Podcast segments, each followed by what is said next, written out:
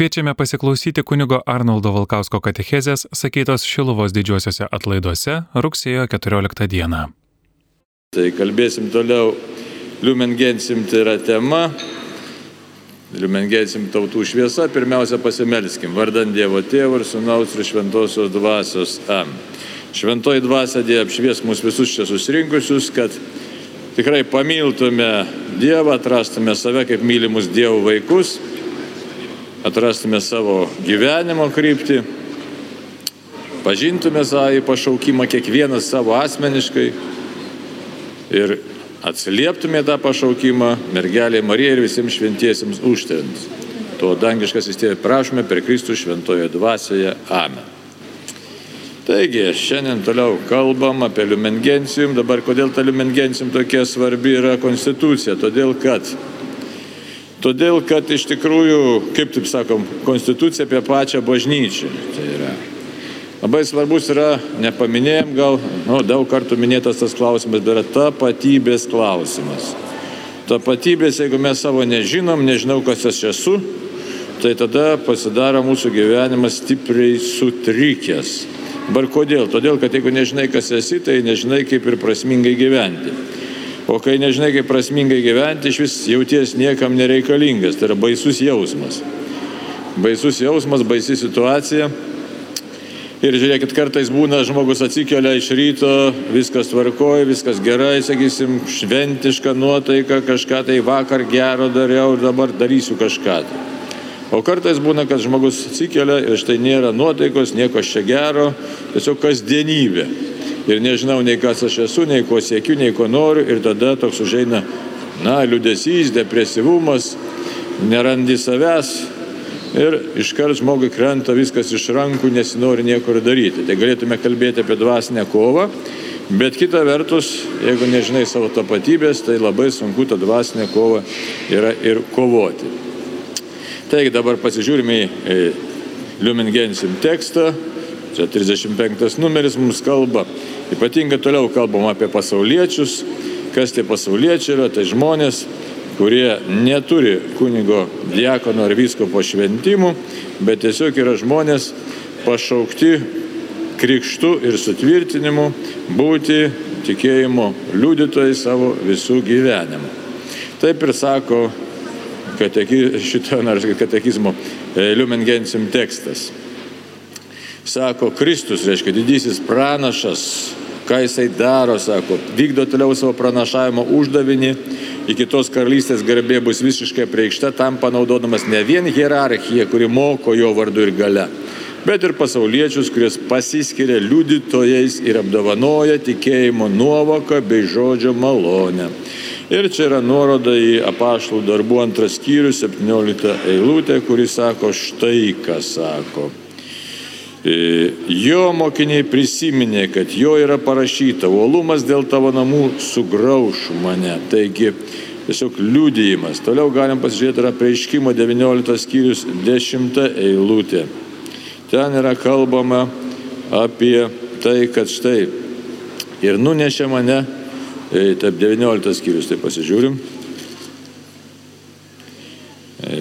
Užpuoliau jam po kojų, norėdamas jį pagarbinti, įspėjo, žiūrėk, kad to nedarytum, juk ir aš esu tarnas kaip tu ir tavo broliai, kurie laikosi Jėzaus liūdimo. Dievą garbink, o Jėzaus liūdimas yra pranašystės dvasia. Tai štai kalbam, kad štai pasauliečiai yra pašaukti dalyvauti Kristaus pranašiškoje veikloje ir liūdėjime. Ir tas atrodytų kažkaip ypatingai, o iš tikrųjų Jėzaus liūdimas yra pranašystės dvasia. Taigi dabar, ko labai svarbu, toliau siekti. Įdant Evangelijos gale sušvistų kasdienėme jų šeimos ir visuomenės gyvenime. Įsivaizduot, toks paprastas dalykas atrodytų kasdienėme šeimos ir visuomenės gyvenime. Ir dar kartą reikia tiesiog pakartoti, ne kažin kur, bet kasdieniam šeimos ir visuomenės gyvenime. Ir čia galim savo pasakyti, kad ne visą laiką tai puikiai sekasi, tą šeimos gyvenimą taip sutvarkyti, kad jisai būtų kupinas Dievo, kupinas šventosios dvasios ir tai tikrai yra tikras iššūkis daugumai šeimų, daugumai, tikrai daugumą galėtume sakyti, ko gero ir visoms. Kaip tą padaryti, iš tikrųjų uždavinys ir nelengvas uždavinys, reikia prašyti Dievo pagalbos, reikia pasitelkti kiek įmanoma ir žmogišką tą jau supratimą išminti. Na ir visuomenės gyvenimas. Vėlgi neleidžia mums tekstas nusišalinti nuo visuomenės gyvenimo, o esmė vis laik yra taip, pat šiandien mums tinka apie tai kalbėti kryžiaus išaukštinimo šventės proga, kad štai Kristaus kryžius turi sušvisti mūsų visų gyvenime kaip pergalės ženklas. Tai nėra visiškai paprasta, nes tai slėpinys. Na ir toliau dar labai svarbu. Pasauliečiai pasirodo esą pažado vaikai. Pažado vaikai. Kokio pažado? Tai yra ne bet kokio pažado, bet pažado, kad štai viešpas Dievas visą nugali ir Dievas visas yra visame kame. Taigi sako, jei būdami tvirto tikėjimo ir kupinos vilties atperka esamą į laiką. Na, tokia sudėtinga, sakyčiau, frazė, bet labai talpi ir labai graži. Įsivaizduojat, pasauliečiai pasirodo esą pažado vaikai, jei būdami tvirto tikėjimo ir kupini vilties atperka esamą į laiką. Ir čia remiamas yra apaštalo Paulius Efeziečiams 5 skyriaus 16 eilutė, kuris skamba taip. Gerai, sako, būkit gerai naudojantis laiką, nes dienos yra piktos. Tai štai uždavinys yra teisingai naudoti laiką kiekvienam asmeniui, kiekvienam žmogui. Ir labai rimtas iššūkis yra, todėl kad laikas mūsų ribotas, Dievas duoda mums laiką kaip uždavinį, duoda laiką e, kaip galimybę ir duoda laiką iš tikrųjų ir e, kaip galimybę išreikšti save o išreikšti save kaip Dievo žmogų mes turime, todėl reikia tvirto tikėjimo, jo lab, kad aplinka siūlo mums įvairiausių dalykų, pilnas pasaulis įvairiausių pasiūlų, įvairiausių pagundimų, gundimų, žodžiu, visą laiką reikia teisingai atsirinkti. Atsirinkti vertybės reikia, na ir dabar ypatingai svarbu, nes e, Kams anksčiau surydavo laiką televizorius, pavyzdžiui, kažkokios kitokios pramogos, tai dabar tiesiog labai lengvai tą laiką suryja mobilus telefonai, internetas, žodžiu, tos lengvai pasiekiamus komunikacijos priemonės, kurios taip pat ir labai stipriai pririša. Ir mes patys nesusimastom, kad štai mano laikas sutirpo, laikas prabėgo, laikas, kurį davė Dievas Ir tas laikas iš tikrųjų turėjo būti skirtas mano dvasiniam augimui ir Dievo liūdimui. Štai apaštalas Paulius laiškė kolosiečiams ketvirtas skyrius penktą eilutę sako šitaip. Išmintingai elkite su svetimaisiais, išnaudokite laiką. Vėlgi apie laiką kalba. Taip kad, taigi tvirtas tikėjimas, viltis ir sugebėjimas teisingai naudoti laiką. Ką reiškia teisingai? Ne savo tik tai malonumui, ne savo kažkokiem egoistiniams potroškiams, nes tai yra, e, kaip įdomi, reiškia, pažadas, koks tas mums skirtas amžinasis gyvenimas. Ir atrodytų tiek nedaug reikia. Tvirto tikėjimo, vilties ir teisingai naudoti laiką. Dar ne viskas. Ir kantriai laukia būsimosios garbės. Kantriai laukia būsimosios garbės. Čia tokia labai rimta viltis, kad štai aš laukiu Dievę, garbė žinau, kas man yra skirta. Čia yra kalba jau apie tapatybę. Aš, čia yra remiamasi apaštalo Pauliaus laiško romiečiams 8 skyrių 25 eilutė. Bet jei turime viltį nematydami, tada laukiame ištvermingai. Na, čia toks rimtas mums išbandymas, nes laikas bėga, atrodo, kad štai, štai, štai kažkas turėtų būti ypatingo, labai gero, o būna visai gyvenime ir todėl ištverti iki galo Jėzus ir sako, kas ištvers iki galo, bus išgelbėtas.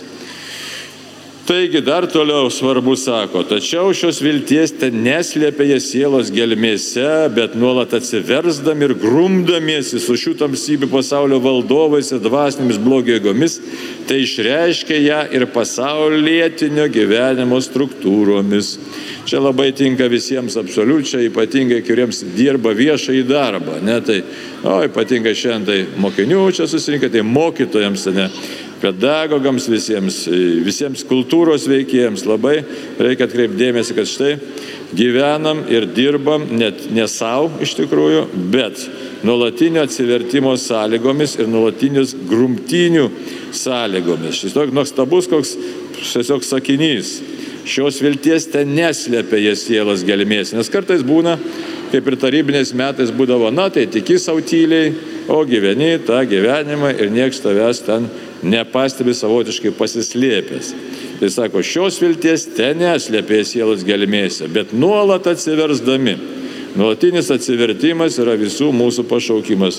Neužtenka, kad štai aš atsiverčiau vieną kartą, Dieve tavimi e, tikiu ir viskas tvarku. Atsiversti, ką reiškia? Reiškia, viltimi gyventi, matyti savo trūkumus, neišsigasti savo trūkumų, taisytis, ugdyti darybės, visą gyvenimą mokytis meilės Dievui, artimui. Na ir grumdamiesi, grumdamiesi, tos grumtynės labai rimtos, apaštalas Paulius Efezžėsim, širas šeštas skyrius, e, mums kalba labai konkrečiai ir aiškiai, labai rimtas dalykas, e, kad mes grumimės ne su krauju ir kūnu, bet grumimės iš tikrųjų su visom tom e, galybėm dangaus aukštybėse. Taip ir pasakyta, ne, mes grumimės ne su krauju ir kūnu, bet su kunigaikštysėmis, valdžiamis šio tamsybių pasaulio valdovais ir dvasinėmis blogėgomis daugaus aukštumose. Taigi grūmėmės todėl, kad e, pamatyt, kad ne, ne žmonės kaltinti pagrindę dėl įvairiausių blogybių, bet viską sugebė tinkamai įvardinti. Ką tai reiškia tinkamai? Tai reiškia, kad žinot, kad yra dvasinė kova, ta dvasinė kova vyksta mano širdį, ta dvasinė kova vyksta kiekvieno žmogaus širdį, vyksta ne vienodų lygmenių, Vienas tą supranta, kitas mažiau, kitas visai nesupranta. Ir todėl tiesiog tokio turėti supratimo gyvsgėlėjančio, kad vyksta dvasinė kova, šioje dalyvauju. Ir kad pirmiausia, aš turiu pats laimėti savo dvasinę kovą, kiek tai man įmanoma pagal šiandien esamas mano sugebėjimo sąlygas, pagal Dievo duotybę, pagal malonę. E, nes niekada nebus, kad aš ją pilnai laimėsiu tą dvasinę kovą. Mūsų galutinė kova yra mirties akivaizdoje ir pats viešpas Jėzus mumise ją laimi. Tai todėl, reiškia, visas tas liumengensim kalbėjimas yra toks, galėtume į vieną sakinį sutraukti.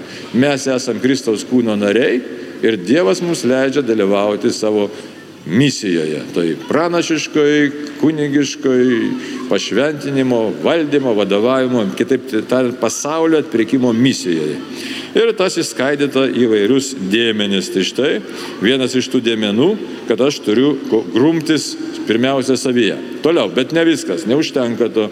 Tai išreiškia, sako, tai išreiškia ją ir pasaulietinio gyvenimo struktūromis viltį.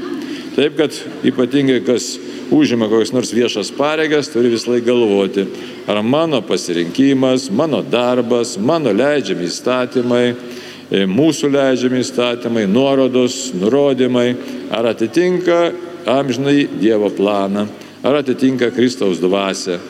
Ir nebijoti, nepataikauti, tiesiog reikia pasaulio dvasiai, nors visas pasaulis ir kitaip šnekėtų. Čia labai rimtas uždavinys ir jis nėra lengvas. Toliau, kalba tekstas mums apie gyvenimo, tikrojo gyvenimo Jėzuje išpažinimą pasauliečių laikysnė iš tikrųjų prilyginimą labai įdomią, čia tokia labai tiesiog sakyčiau, provokuojanti mintis pateikiama, nes pasauliečių laikysnė prilyginimas sakramentiniam veikimui. Įsivaizduot, sakramentiniam veikimui. Šiaip Liumengensim čia kalba ketvirtam skyriui, kad bažnyčia yra tarsi sakramentas, paskui metro 68 numerė, bet dabar kalbant apie žmonės, pasauliečius, kad štai prilyginamas sakramentiniam veikimui. Štai kunigas taip jis išventina sakramentinis veikimas. Dabar žiūrim tekstą lygiai kaip naujo įstatymo sakramentai palaika ir maitina tikinčių gyvenimą bei apaštalavimą, jau dabar vaizduoja naują dangų ir naują žemę, čia remiantis apreiškimo 21 skyrių pirmą eilutę. Taip ir pasauliečiai tampa galingais laukiamųjų dalykų tikėjimo šaukliais, jei su gyvenimu kylančiu iš tikėjimo, nedvėjodami sujungia tikėjimo išpažinimą. Įsivaizduojat? Ir dar čia gal pabaigta frazė. Šitoks evangelizavimas tai yra Kristaus naujienos skelbimas ir gyvenimo pavyzdžių ir žodžių būdingas ir ypač veiksmingas tuo, kad vyksta įprastinėmis pasaulio sąlygomis. Na tai ką čia reiktų pamatyti mums, kelis tikrai tokius svarbius dalykus, aišku, tai atkartojama ta mintis daug kartų, tik tai jis gilėja jos supratimas. Štai naujo įstatymo sakramentai - krikštas, sutvirtinimas, Euharistija, ligonių patepimas, atgaila, kunigystė, santoka, ne, maitina tikinčių gyvenimą, yra paštalavimą. Ir kas įdomiausia, ypač Euharistė neatspindi, atspindi dangų ir naują dangų ir naują žemę. Bet dabar sako, pasauliečiai tampa galingais laukiamų dalykų, ne bet ko, ne bet blogo, bet laukiamų dalykų šaukliais. Įsivaizduoju, šauklys, tai panašiai kaip e, pranašas Ezekielis, kuris šaukia tautą atsiversti, grįžti, atgimti iš tos sausuosius kaulus, tai reiškia e, šaukliai, jie sako su gyvenimu. Už tai čia yra tapatybės be galo svarbus supratimas. Jeigu aš renkuosi Kristų kasdienybėje, atsikėliau iš ryto, nėra nuotaikos, pasimeldžiau Dievę, tu žinai, o štai tiesiog pradedu tokią dieną kovoje, nėra nuotaikėlės, gal kažkas ne taip, gal artimieji, gal žodžiai netokie buvo pasakyti iš vakaro, gal viršininkas negeras, gal kažkiek tiek kažkas skaudena, bet pra... arba šiaip tiesiog oras paprastesnis, ir, bet pradedu su tavimi gyvenimą ir atrodytų, kas čia tik man svarbu save įveikti, bet šitoje vietoje pasirodo yra visai kitaip. Aš atsiliepiu, pakeliu akis į dangų, atsiliepiu Dievui, Dieve ištiesinu savo nugarą, stuburą ištiesinu, dvasinį, fizinį ir tikrai sakau, Dieve, štai aš esu tavo įrankis, mano gyvenimas yra su tavimi. Atrodytų nieko tokio, kažkas gali pritaikyti, kaip, sakyti, psichologinį treningą, bet tai pasirodo nėra psichologinis dalykas, bet yra dvasinės kovos elementas. Aš atsistoju savo pačiam prieš save patį iš tikrųjų, pats savo suvokime pirmiausia kaip Dievo žmogus. Ir tai turi poveikį, pasirodo pasauliui, nes aš esu šauklys, kuris patikė, kad Dievas veikia manyje. Ir toliau einu jau su Dievo dvasia. Taigi, sako, tai taip atsitėsiu, sako, jei su gyvenimu kylančiu iš tikėjimo. Nedvėjodami sujungia tikėjimo išpažinimą. Taigi, pats žodžiais išpažįstamas tikėjimo išpažinimas, kad tikiu amžinai gyvenimu, tikiu šventųjų bendravimą, tai yra tikiu vienas kito užtarimu, tikiu maldos gale, tikiu Kristaus gale, tikiu tėvo meilę. Tai persikelia tas į gyvenimą ir ne iš karto reikia, kad mes galvom, kad štai noriu pasieksiu kažkokį rezultatą staigiai, nieko. Jeigu mes skaitytume dykumų tėvus, tai ten aiškiai pasakyta, sako, meldžiau vienos malonės 10 metų, kitas sako 20, 30 ir taip toliau visą gyvenimą. Taigi šitoks evangelizavimas, kur, kur čia tas evangelizavimas mes galėtume paklausti. Tiesiog aš nusiteikiau, pasimeldžiau, atsitėsiau, gyvenu sažiningai, kur čia tas evangelizavimas galėtume paklausti. O iš tikrųjų pasirodo, jau šitą laikysinę tampa evangelizavimu, tampa savo Kristaus naujienos skelbimu ir gyvenimo pavyzdžiu. Ir veiksminga tuo, kad tai vyksta tiesiog įprastinėmis gyvenimo sąlygomis. Tai pilkoji kasdienybė, kuri atrodo nieko ypatingo čia kaip ir nevyksta. Taigi, dar kartą pabrėžiu, štai bažnyčia yra sakramentas pasauliui, tai yra išganimo sakramentas, nes tai Kristaus kūnas yra ženklas, kad Dievas veikia ir myli mus, o pasaulietis pasirodo pasirenkantis tiesiog būti su viešpačiu Jėzumi, atliepia taip pat šauklio funkciją atliepia. Čia reiktų taip nustepti ir padėkoti Dievui ir džiaugtis ir sakyti, štai aš esu šauklys, net tada, kai niekas to nemato ir negirdi, nes bendradarbiausiu Dievo dvasia. Toliau.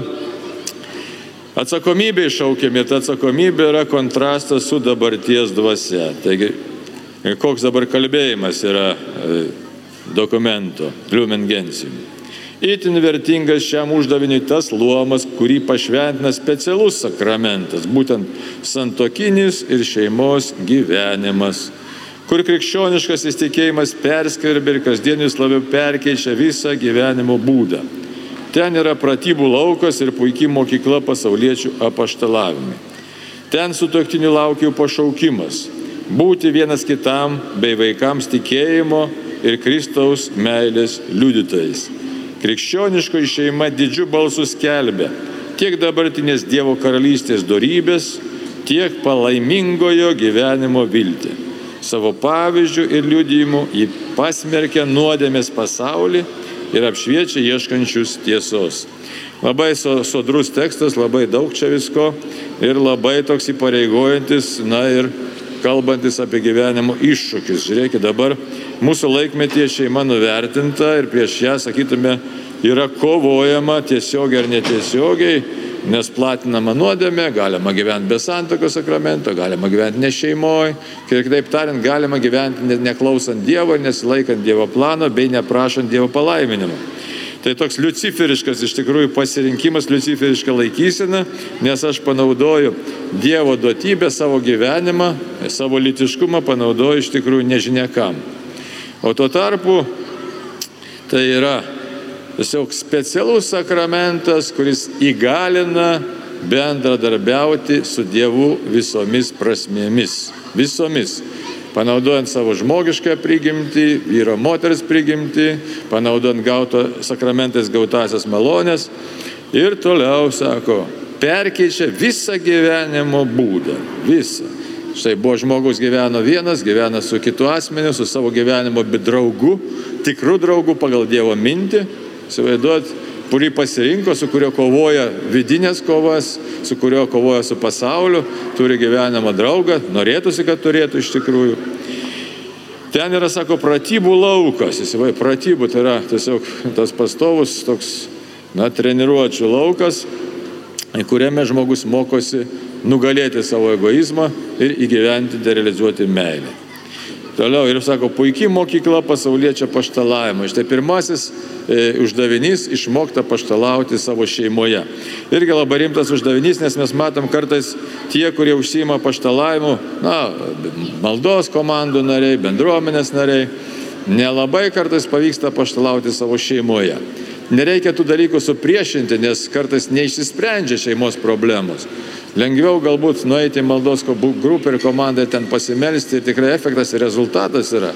O šeimoje dėl kito asmens savybių, pavyzdžiui, nepasiseka paštalauti. Taip, kad čia nėra supriešinimas, bet dokumentas kalba apie normalią situaciją, kai abu du, vyras ir žmona, supranta, ką jie turi daryti ir jie priima viens kitą ir vaikus, kad štai čia pirmiausia paskelbėm tikėjimą ir ir tą patį nešam į savo darbinę aplinką, į gatvę, į pasaulį nešam. E, taip, kad sako, puikiai mokykla pasaulietčio paštalavim, nes laukia jų pašaukimas būti vienas kitam, įsivaizduot, vienas kitam bei vaikams tikėjimo ir Kristaus meilės liudytojai. Čia labai verta vyro ir žmonai pasižiūrėti vienas į kitą ir suprat, kad štai aš, brangusis, brangioji tau, tiesiog noriu paskelbti ne bet ką, ne kažkokius tai moralus, reikalavimus, ten dar kažkokius tai dalykus, bet noriu tau paskelbti Kristaus meilę, padėti ją pažinti, paprašyti, kad tu man padėtum tą meilę pažinti, sustiprintume vienas kitą, kitą atskleistume savo tą grožį, vyro ir moters grožį, nes vyras ir moteris vienas kitam gali be galo daug padėti atsiskleisti. Tai toks yra pašaukimas nepaprastai didžiulis ir kad vaikai jie automatiškai matys, kad štai vyras ir žmona, tai ir tėvas ir mama vienas kitą myli, kalba apie Dievą, bendrauja su viešpačiu. Tai štai tokiu būdu automatiškai įauga į Kristaus meilę, į jo duotybę. Į, į tą pašaukimą būti Dievo žmonėmis. Taigi, dar toliau, dar yra, sako, skelbė dabartinės Dievo karalystės darybės, įsivaizduoju, darybės. Taigi šeimoje laikydamėsi tikėjimo, žmonės automatiškai įauga į darybės. Kokias darybės? Nuolankumo reikia labai, reikia romumo, reikia kantrybės, reikia tarpusio supratimo, nugalėti egoizmą, narcisizmą, meilės, ištvermės labai reikia. Žodžiu, visų darybių, e, kurios padeda būti meilės žmogumi. Ir dar kas įdomu, dėl ko tą darau? Štai, kad žvilgsnis į ne, ne šiaip į tokią ateitėlę, kad štai kažkur kažkas įstos, pasimokys, gerą gyvenimą susikurs, bet dar amžino gyvenimo viltis. Tai amžino gyvenimo viltis prasideda pasirodo šeimos gyvenime pašventinta sakramentu, tai yra santokos sakramentu. Ir aišku, čia mes galim tik mums paantrinti, gali, sakysim, sakysim, sekuliarioji pasaulietiška psichologija. Jeigu šeimoje nebuvo darnos meilės ir supratimo, sunku tikėtis, kad žmogus išeis į pasaulį psichologiškai sveikas. Bet čia yra toks žemesnis lygmuo, aukštesnis lygmuo tai yra, kad štai aš išeinu einu į pasaulį, žinodamas, kad esu Dievo karalystės narys, Dievo karalystės dalyvis ir manęs laukia viešpas, kuris mane be galo myli. Taigi, dar toliau, dar galinga čia tokia išraiška, šitos pastraipėlės atbaiga tokia yra. Savo pavyzdžių ir liūdimui ji pasmerkė nuodėmės pasaulį. Štai šeima, santokos sakramentas, kaip įdomiai pasmerkia nuodėmės pasaulį. Nieko nedarant, tik tai laikantis dieviškos tvarkos, pasirodo paskelbiam nuosprendį nuodėmiai. Nieko ypatingo nereikia daryti, tik tai gyventi ištikimai šeimoje, mylint Dievą ir vienas kitą. Įsivaizduot, koks nuostabus dalykas. Na ir sako, apšviečia ieškančius tiesos, nes kiti abejoja, čia kur šeima, ne kurti šeimą, kaip čia ją kurti, gal palauksiu, gal taip, anai prieš tai. Tai jeigu šalia yra tvirtų šeimų, kurios nebijo deklaruoti savo tikėjimą, savo pasirinkimą, štai pasikeičia ir tada šalia esančiųjų gyvenimas. Taigi dar kartą, baigiant, prieš ruošiantis jau rožančios maldai, reikia užfiksuoti tą mintį pasauliečių laikysena pašventinta jų pasirinkimų ir sakramentų iš tikrųjų prilyginama sakramentinė veikimui, tai yra bažnyčios veikimui šiame pasaulyje. Ir pasauliečiai tampa tiesos, Dievo meilės, Dievo galybės šaukliais. Taigi būkim visi palaiminti ir atraskime savo tapatybę viešpatyje. Garbė Dievui Tėvui ir Sūnui ir Šventai Dvasiai. Kai buvo pradžioje, dabar ir visada ir per amžius. Amen. Vardant Dievo Tėvų ir Sūnaus ir Šventosios Dvasios.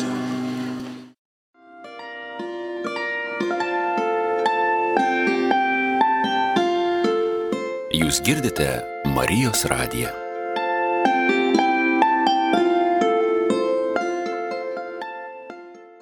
Brangus piligrimai, o dabar atėjo laikas perduoti mikrofoną kunigui Arnoldui Valkauskui. Mes jo paprašėme, kad jis padėtų mums perprasti ir pajusti skonį bažnyčios dokumentų, o ypatingai Vatikano antrojo susirinkimo dokumentų, kuriuos kviečia studijuoti ir persimti juose esančiais dalykais popiežius Pranciškus besirengiant 2025 m.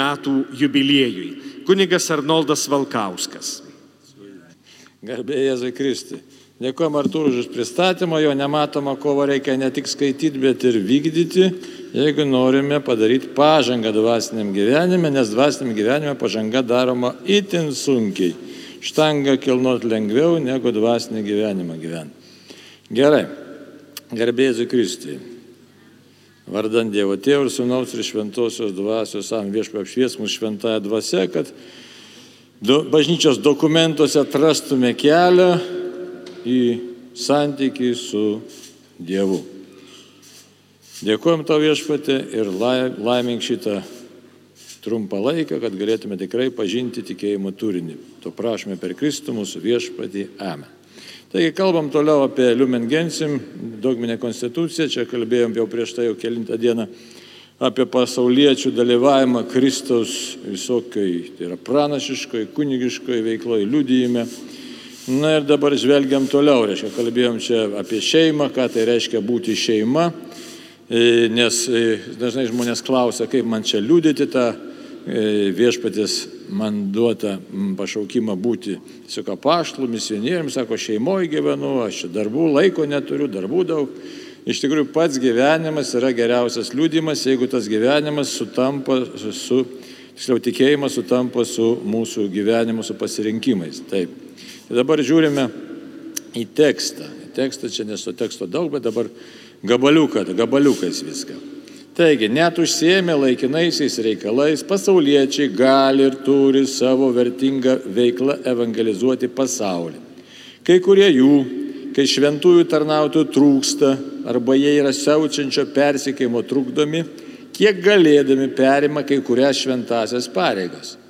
Ir net jeigu daugelis jų paskiria visas savo jėgas apaštlavimo darbui, to neužtenka.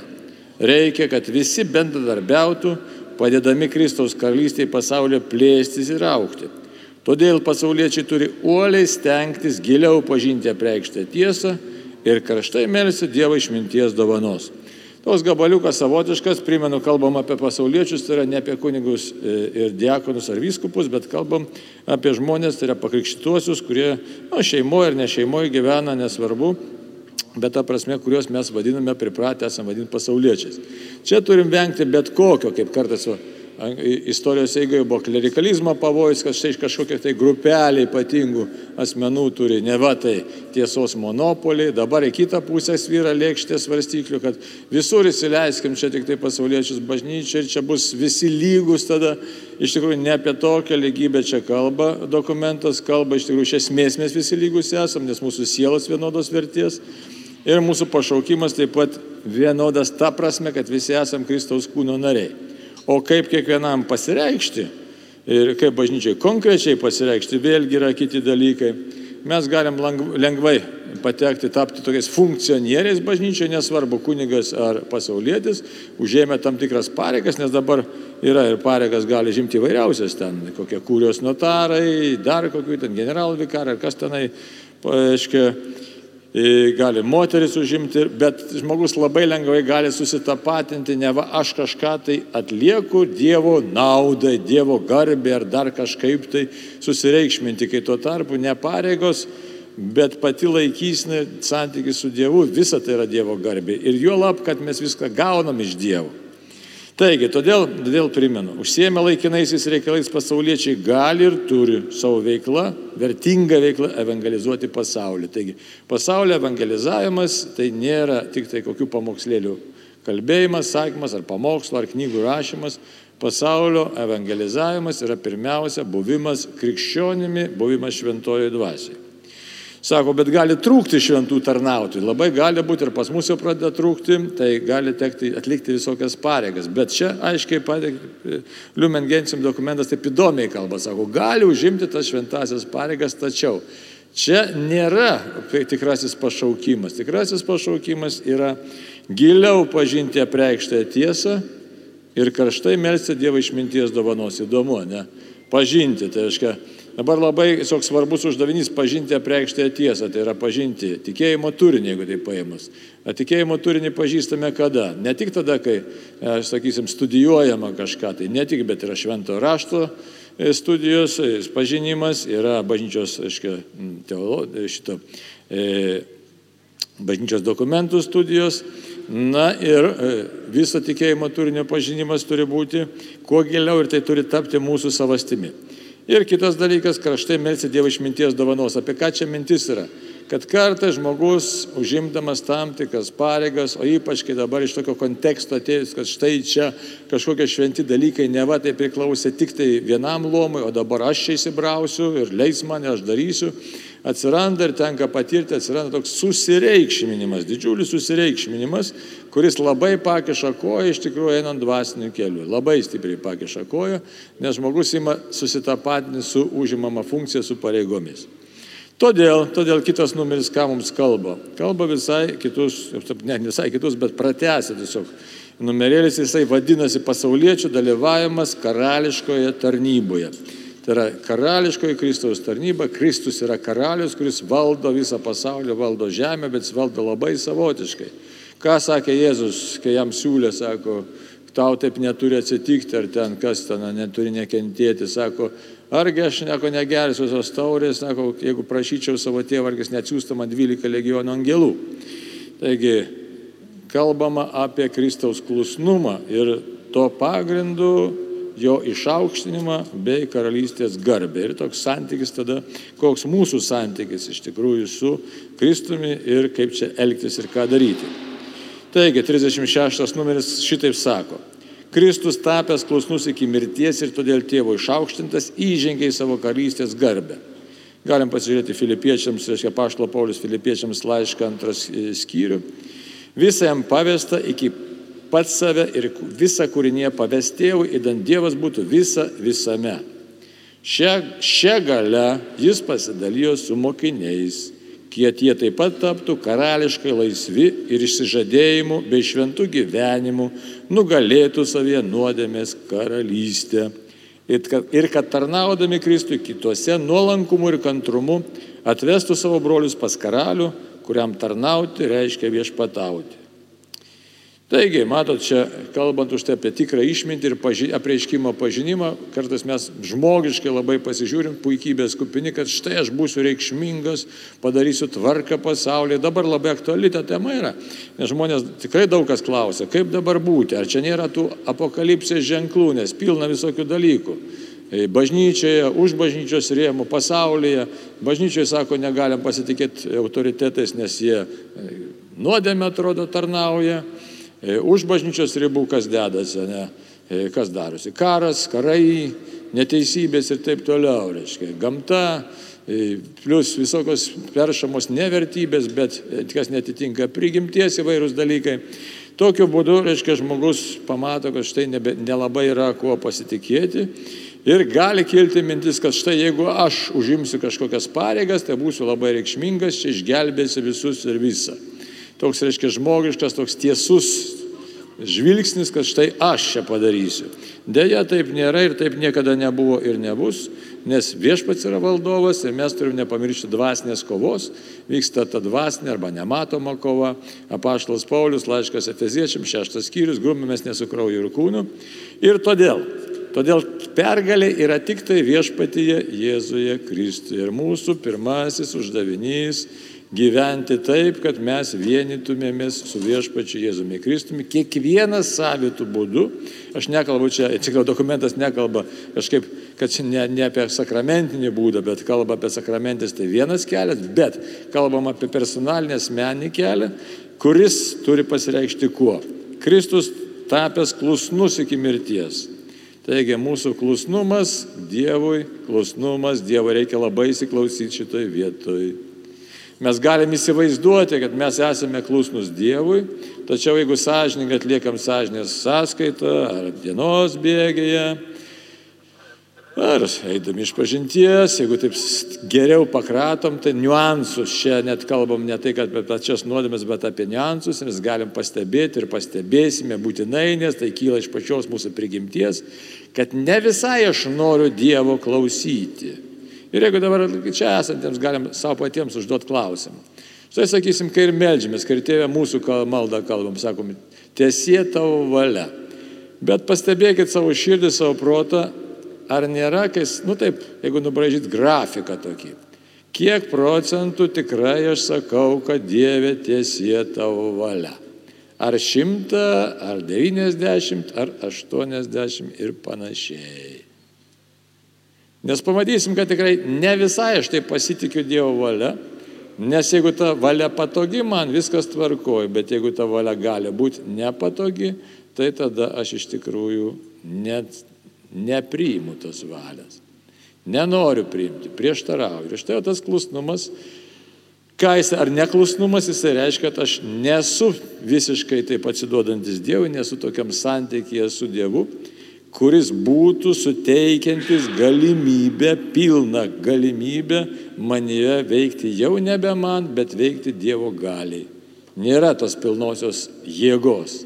Ir mes už tai galim kartais stebėtis, kad štai aš čia melžiuosi, žinai, ir piligrimystės darau, lyg tai Dievas ir negirdi, ir kur čia ta kaltė. O kaltė tokia, nu ir kaltė, nekaltė, čia yra problema labai rimta Labai rimta, nes įveikti savį tą neklusnumą netai paprasta. Ir atrodo, kaip sakom, Jėzus ką čia nuveikė, ne čia pagal e, apaštalo Paulius e, reiškia, laišką filipiečiams antras skyrius, tas vadinamas toks tiesiog, kaip jis vadinasi, kristologinis himnas. Jėzus Kristus turėdamas Dievo prigimti, godžiai nesilaikė savo lygybę su Dievu, bet apiplėšė pat save, priimdamas tarno prigimti. Reiškia, tai va, apiplėšė pat save iš klusnumo Dievui. Mes savęs apiplėšti iš klusnumo Dievui niekaip nenorime, nes mūsų prigimtis prieštarauja. Ir čia nėra mazochizmas ar kažkoks savęs, kažkoks niekinimas ar naikinimas ar kas tiesiog labai nelengva savo laisvę atiduoti, kad ir Dievui nelengva. Nors su Dievu būtų lengviau, taip sako, kas iš mūsų patyrė, kad su Dievu lengviau. Keletas, ne? Dauguma ne. Matot kaip? O su Dievu atiduok. Arba kartais pavyksta atiduoti. Jums, o dviem pavyko ir gačiu, pagėdokit gražiai už tai. Šaunuolės. Bet daugiau moterim pavyko atsiliepti Dievui. Kaip čia yra, kur tie vyrai iš viso? Yra vienas, na, ačiū Dievui. Tai va, tai matot, nėra paprasta, arba būna pavyko momentą vieną, iš ateina sekantis išbandymas ir vėl. Tai čia dabar žvelgiu laikrodį, liko kelios minutės. Taigi už tai klusnumas, kai kalbam apie tas funkcijas, pasauliečių funkcijas, pagrindinė funkcija - nesiekti kažkokių pareigų. Jeigu reiks ir bus tos pareigos. Vienokios, kitokios, trečiokios, gelbint pasaulį, gelbint bažnyčią, bet patys iš savęs mes nepareigos esmė patys iš savęs mes neišgelbėsim pasaulio, jeigu nebūsime tampriame santykėje su Dievu, tai yra tokiam santykiai, klusnumo santykėje. Ir tai tikrai nėra paprastas dalykas. Ir kodėl? Dar tas santykis, žiūrėkit, ką sako, įžengia į savo karalystės garbę. Taigi klusnumo santykis, tiksliau, santykis su Dievu per klusnumą mus veda į karalystės garbę. Bet dėja tai nėra paprasta ir tai yra tiesiog, nu, tiesiog iššūkis ir tam iššūkiui mes nu, brestam, ruošiamės, lavinamės. Na va, ir šią galę, sako, pasidalijo su mokiniais, kad jie taptų karališkai laisvi, įsivaizduot, karališkai laisvi, nepaprastas įsireiškimas. Kodėl karališkai laisvi? Kodėl karališkai laisvi? Todėl, kad karalius niekam nevergauja, aišku, jeigu jis nuodėmė nevergauja, bet šiaip karalius yra monarchas, valdovas, o ne jisai yra. Tai. Taip kad jeigu karališkos laisvės mums reikia, bet karališka laisvė ateina kada? Sako, kai pažįsti Dievą per klusnumą, kai leidė jam veikti savo gyvenime, nes čia labai gražu. Nes tada nuodėmė nebeturi mumyse jėgos, pasaulis nebeturi mumyse jėgos, piktoji dvasia nebeturi mumyse jėgos. Čia labai gražu kalbėti tos dalykus, bet būtų gerai, kad tai pavyktų gyventi. O čia tai uždavinys. Laikas, ne? Laikas. Taigi štai šventosios mišios prasidės, tai paprašykim Dievo, kad tikrai būtume, taptume mes visi karališkai laisvi, tarnaudami, ieškodami tavęs ir kiekvienas savitų būdų, nežiūrint į kitą ir suprasdami, kad Dieve, jeigu aš būsiu su tavimi, tu mane panaudosi taip, kaip tu nori panaudoti. Ir tas neš vaisių čia ir amžinybei. Ir tavo gale bus manyje. Čia toks svarbus dalykas ir tada galėsiu tikrai savotiškai pasididžiuoti. Mano Dievas, mano pergalė ir mano stiprybė. Tai būkim palaiminti, ir Dievas su mumis. Garbė Dievui, Tėvui ir Sūnui ir Šventai Dvasiai. Kai buvo pradžioje, dabar ir visada ir per amžius. Vardą Dievo Tėvų ir Sūnaus Šventosios Dvasios. Klausėtės kunigo Arnoldo Valkausko katechezės sakytos didžiuosiuose Šiluvos atlaiduose rugsėjo 14 dieną.